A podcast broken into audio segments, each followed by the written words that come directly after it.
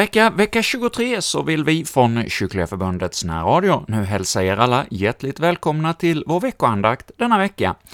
Och denna vecka så kommer vi att få återigen höra en betraktelse kring temat för heliga trefaldighetsdag. Ja, vi har fått ännu en predikan med detta tema, och denna gång är det Ingmar Svenungsson som kommer att leda vår andakt. Men innan vi lyssnar till Ingmars betraktelse, så får vi sjunga med på salmen 20. Tillsammans med Inge Heineborg så sjunger vi då ”Helige Fader, kom och var oss nära”, alltså nummer 20 i psalmboken.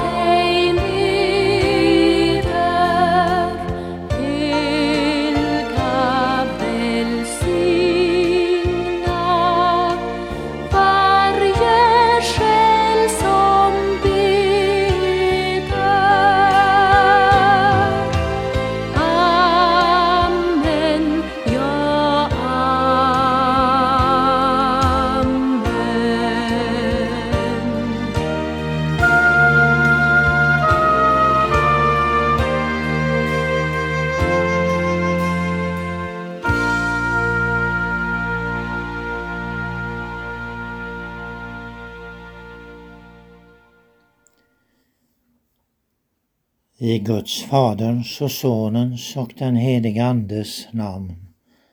Låt oss bedja.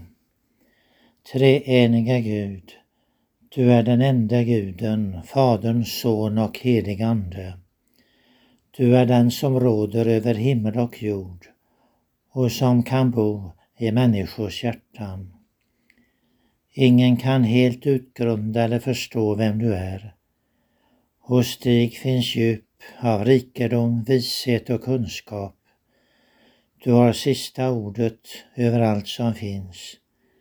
Du ensam är värd att ta emot all ära och tack och lov. Amen. På heliga trefaldighets dag så handlar texterna om den treenige guden, Fadern, Sonen och den helige Ande och tredje årgångens evangelium ska vi lyssna till ur Johannesevangeliets elfte kapitel. Betania låg inte långt från Jerusalem, ungefär en halvtimmes väg och många judar hade kommit ut till Marta och Maria för att trösta dem i sorgen över brodern. När Marta hörde att Jesus var på väg gick hon och mötte honom. Men Maria satt kvar hemma. Marta sade till Jesus, Herre, om du hade varit här hade min bror inte dött. Men jag vet ändå att Gud ska ge dig vad du än ber honom om. Jesus sade, din bror kommer att uppstå. Marta svarade, jag vet att han ska uppstå vid uppståndelsen på den yttersta dagen. Då sade Jesus till henne, jag är uppståndelsen och livet. Den som tror på mig ska leva om han än dör och den som lever och tror på mig skall aldrig någonsin dö. Tror du detta? Hon svarade, Ja, Herre, jag tror att du är Messias, Guds son, han som skulle komma hit till världen. Herre, skriv ditt ord i våra hjärtan. Amen. Jag tror. Så börjar trosbekännelsen där vi instämmer i den bekännelse som är en sammanfattning av den kristna församlingens tro. På heliga trefaldighets dag tänker vi på Guds treenighet. Den enda sanna guden uppenbarade sig som Fadern, Sonen och Ande. Vi förstår inte detta men vi får ta emot Gud sådan som han har uppenbarat sig och sådan som vi möter honom i hans ord. När vi säger jag tror så betyder det att vi av hjärtat vill hålla oss till Gud som vår Fader, Frälsare och Hjälpare. Och det kan texten vi lyssnade till lära oss något om. Hur visar sig tron på den treenige guden? Och först tron på Fadern. Det finns mycket eh, sammanfattat i de orden. Jag tror på Gud Fader allsmäktig, himmelens och jordens skapare. Gud har låtit allt bli till av intet genom sitt ord. I Betania bodde de tre syskonen Marta, Maria och Lazarus. De utgjorde ett hem som Jesus ofta besökte. Och när Lazarus dog blev det till välsignelse att de tagit emot Jesus och visste att hjälpen fanns hos honom. Gud som skapat människorna räknar dem som sina skapade barn och vill vara deras himmelske fader. Han ger dem jordiska uppgifter i sin skapelse. Det, vi kan alltså vara Guds medarbetare och redskap i den uppgift Gud ger oss i det jordiska. I Betania var det tre syskon som var samlade i ett hem. Och Gud har också instiftat äktenskapet där makar har ansvar för hemmet och för barnen och dem som växer upp. Goda hem ger ju ett gott samhälle, ja påverkar hela landet så att det går landet väl. Allt på jorden är ett lån som vi fått en tid att förvalta medan vi har det. Eftersom Gud har skapat människorna och det är beroende av sin skapare i varje andetag så är det skyldiga att tacka och lova, lyda och tjäna sin himmelske fader. Till Guds skapelse hör också änglarna som tjänar och lovsjunger Gud och tjänar människorna som ska frälsas. När Lazarus dog påminns vi om att änglarna för de trognas själar till himlen. Och de ska också komma tillbaka tillsammans med Jesus vid hans återkomst. Evangeliet berättas om Lazarus död och den stora sorg som det blev hos systrarna Marta och Maria. Ja, Guds skapelse förblev inte god så som den var från början när Gud skapat den. Genom syndafallet kom död, lidande, sjukdom och sorger in i världen. Synden förstörde Guds skapelse. Guds avbild hos människan fördärvades så att hon ofta är den ondes redskap för att anstifta mycket ont i världen. Lidande och död har blivit människans följeslagare tiderna igenom. Och därför sände Fadern Sonen i världen som skulle rädda och bota från allt det som syndafallet förstört. Till ende sonen sade han, jag måste mig förbarma. Far ned ut i det syndaland och lös de fångar arma. Faderns kärlek till de avfallna visar sig i att han sände sin son. Och Jesus är vägen till Fadern. Han och Fadern är ett. Lär vi känna Jesus så lär vi också känna hans fader. Fadern är också den som har omsorg om sina skapade barn. Det är det som vi kallar Guds försyn. Han försörjer och bevarar dem. De som blivit Guds barn genom tron på Jesus har också löfte om att inte göra sig bekymmer för det jordiska, utan han lovar att bära deras bekymmer. Lazarus död blev ett redskap för Gud att visa på Jesus som Herre över döden. Han uppväckte Lazarus och det gjorde att många kom till tro och fick se att han var Guds son. Den himmelske Fadern står inte, slår inte i blindo. Lidanden och olyckor sker inte av en slump, utan Gud har en mening med det. Det kan bli en händelse som väcker människor till att tänka på sina själar och det kan föra Guds barn närmare tron på Fadern så att de mer och mer av hjärtat vill hålla sig till honom som till sin himmelske fader. Och för det andra tron på sonen. Marta och Maria sände bud efter Jesus vid Lazarus sjukdom och död. Och när Marta hörde att Jesus var på väg gick hon och mötte honom. Hon visste att den verkliga trösten och hjälpen fanns hos Jesus. Han är hjälparen i alla lidanden och sorger och svårigheter. Och eftersom allt sådant beror på att synden kommit in i världen så är det syndares frälsare människor behöver.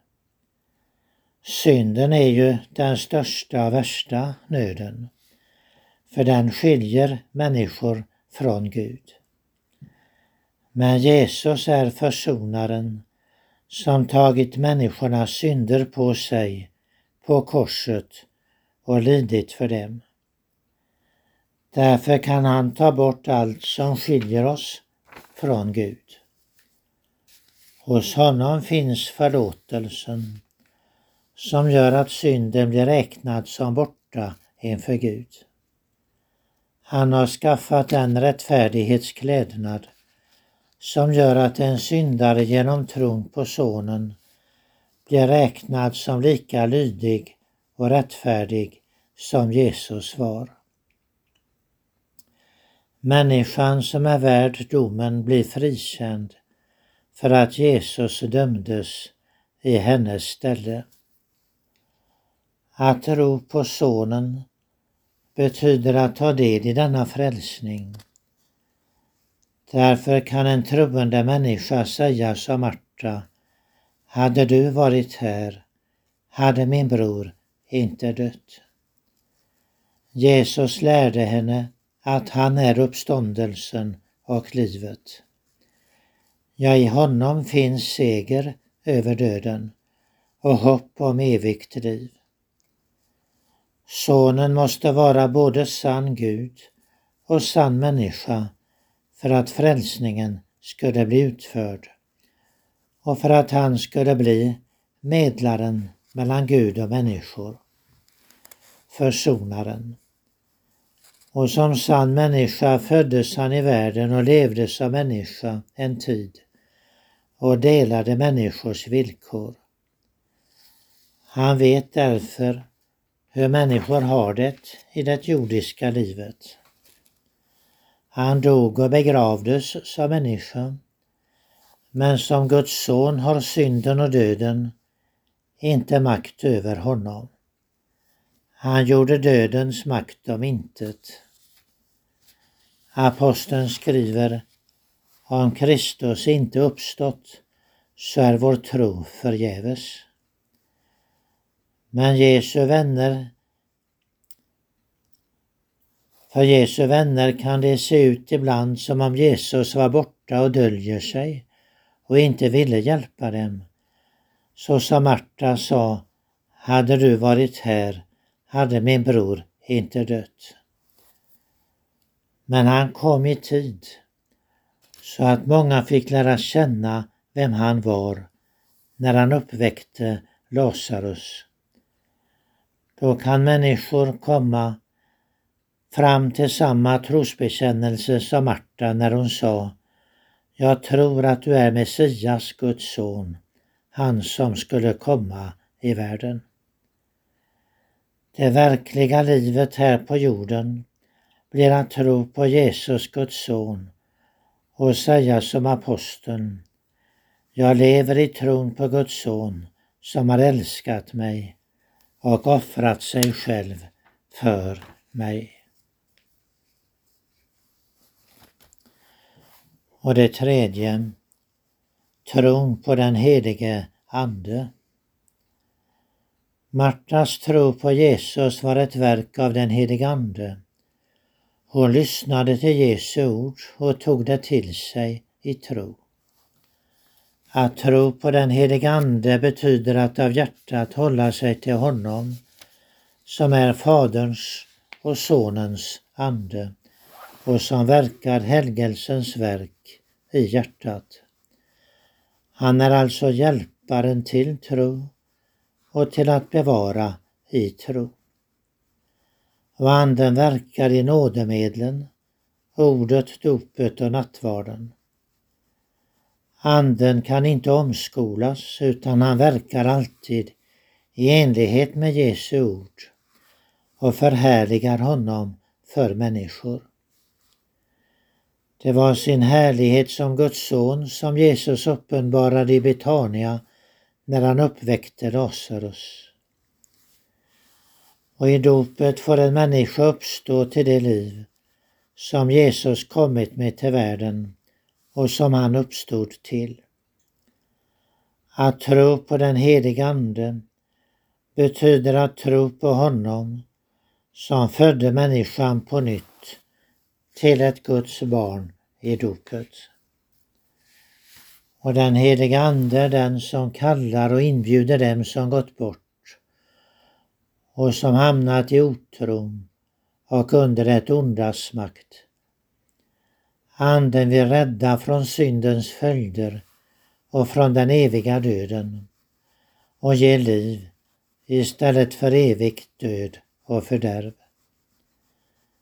Genom Lazarus uppväckande kom många judar till Betania och det står att de för hans skull kom till tro på Jesus. Så vill Anden visa på Jesu gärningar så att otrons människor vänder om till honom. Det är ju den heliga Ande som gör att människor säger ja till Guds kallelse. Det är Anden som åstadkommer ånger och sorg över synden och över hur livet varit. Och då ska människan inte dra sig undan Anden utan ta till sig vad Anden visar henne. För bekännelse av synden är vägen till tro och frid med Gud. Anden vill visa den ångerfulle till Jesus som frälsaren. Anden övertygar människan om att hon inte ska tänka att synden är för stor och svår för att bli förlåten. Anden visar henne att hon inte behöver ha något eget att visa upp för att göra sig mer värd nåden. Utan anden visar att Jesu nåd och förlåtelse och rättfärdighet är tillräckligt att bygga på och lita till. Anden fortsätter att verka när människan brukar ordet och bönen och nattvarden så att trons liv växer och fullbordas i det eviga livet. Marta hade hoppet att Lazarus skulle uppstå på den yttersta dagen. Och Jesus sa, den som tror på mig ska leva om han än dör. Och den som lever och tror på mig skall aldrig någonsin dö. Det är en salig död och en salig uppståndelse som Jesus ger ett fast hopp om för sina trogna. Vi säger i förklaringen till tredje artikeln att han skall på den yttersta dagen uppväcka mig och alla döda och giva mig och alla trogna i Kristus ett evigt liv. Den som tror på den heliga Ande skall tänka på apostelns ord. Om den ande som uppväckte Jesus från de döda bor i er, då skall han som uppväckte Kristus från de döda göra också era kroppar levande genom sin ande som bor i er. Ja, detta är något om vad det betyder att tro på den treenige guden. Vill du vara utan detta? Guds ord vill tala till dig om att också du kan få denna tro. Läs och lyssna till Guds ord där den helige Ande verkar och där han också öppnar ditt hjärta för ordet.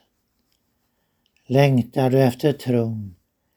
Tänk på vad Fadern, Sonen och Anden gjort för dig och gör för dig idag och skall göra för dig.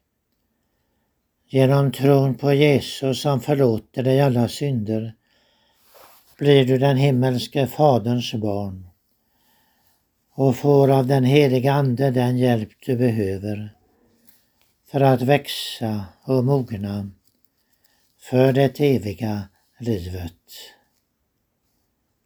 Amen. Och du Guds heliga Ande kom, slit sönder Satans snara. Det ord vi fått av Herren om, ut i vår själ bevara. På det en var må heliggjord, lovsjunga Gud med gamman. Och Jesu Kristi dyra ord, oss leda allesamman till himlens glädje. Amen. Fader vår som är i himmelen. Helgat var det ditt namn. Tillkommer ditt rike. Ske din vilja så som i himmelen så på jorden. Vårt dagliga bröd giv oss idag och förlåt oss våra skulder, så som och vi förlåta dem oss skyldiga äro. Och inled oss icke i frestelse, utan fräls oss ifrån ondo. Ty riket är ditt, och makten och härligheten i evighet. Amen. Herren välsigne oss och bevara oss. Herren låter sitt ansikte lysa över oss och vara oss nådig. Herren vände sitt ansikte till oss och give oss frid. I Guds, Faderns och Sonens och den helige Andes namn. Amen. Vi säger nu tack till Ingmar Svenungsson som har lett Kyrkliga veckoandakt denna vecka, och vi fortsätter nu vårt program med att eh, Karin och Anna Brav sjunger och spelar för oss på salmen 24 med tacksam röst och tacksam själ. Alltså psalm 24, de fyra första verserna. Med tacksam röst och tacksam själ min lovsång sjunger jag. O Gud, du alltid gjort mig väl och gör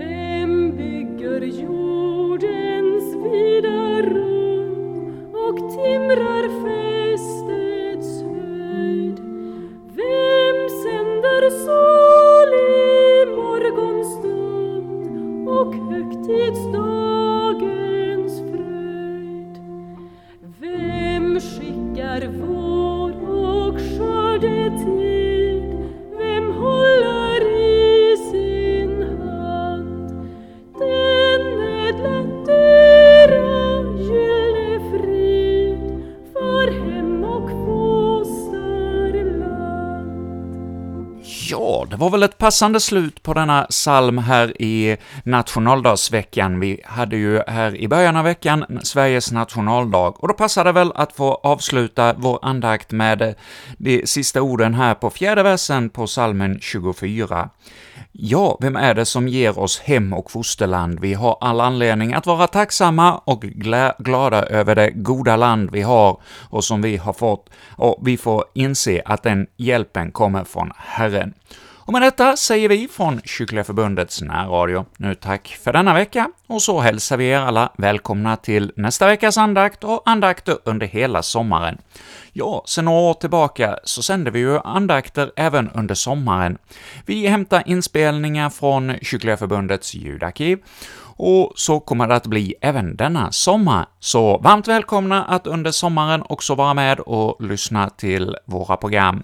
Och ja, har du inget för dig i midsommarhelgen så kanske vi ses där då på Kyrkliga Förbundets midsommarmöte på Hjortsbergagården i Alvesta i Småland. Ja, hjärtligt välkomna dit säger vi till er alla. Och vill ni anmäla er och vara med på måltider och så, så skynda er in på hemsidan för kyrkligaförbundet.se. Där kan ni eh, då hitta anmälnings eh, blankett där på nätet. Och där kan ni också lyssna till Kyrkliga Förbundets veckoandakt, både denna andakt och många andra. Och med detta så vill jag, som heter Erik Olsson, nu säga tack för denna gång och önska er alla Guds rika välsignelse.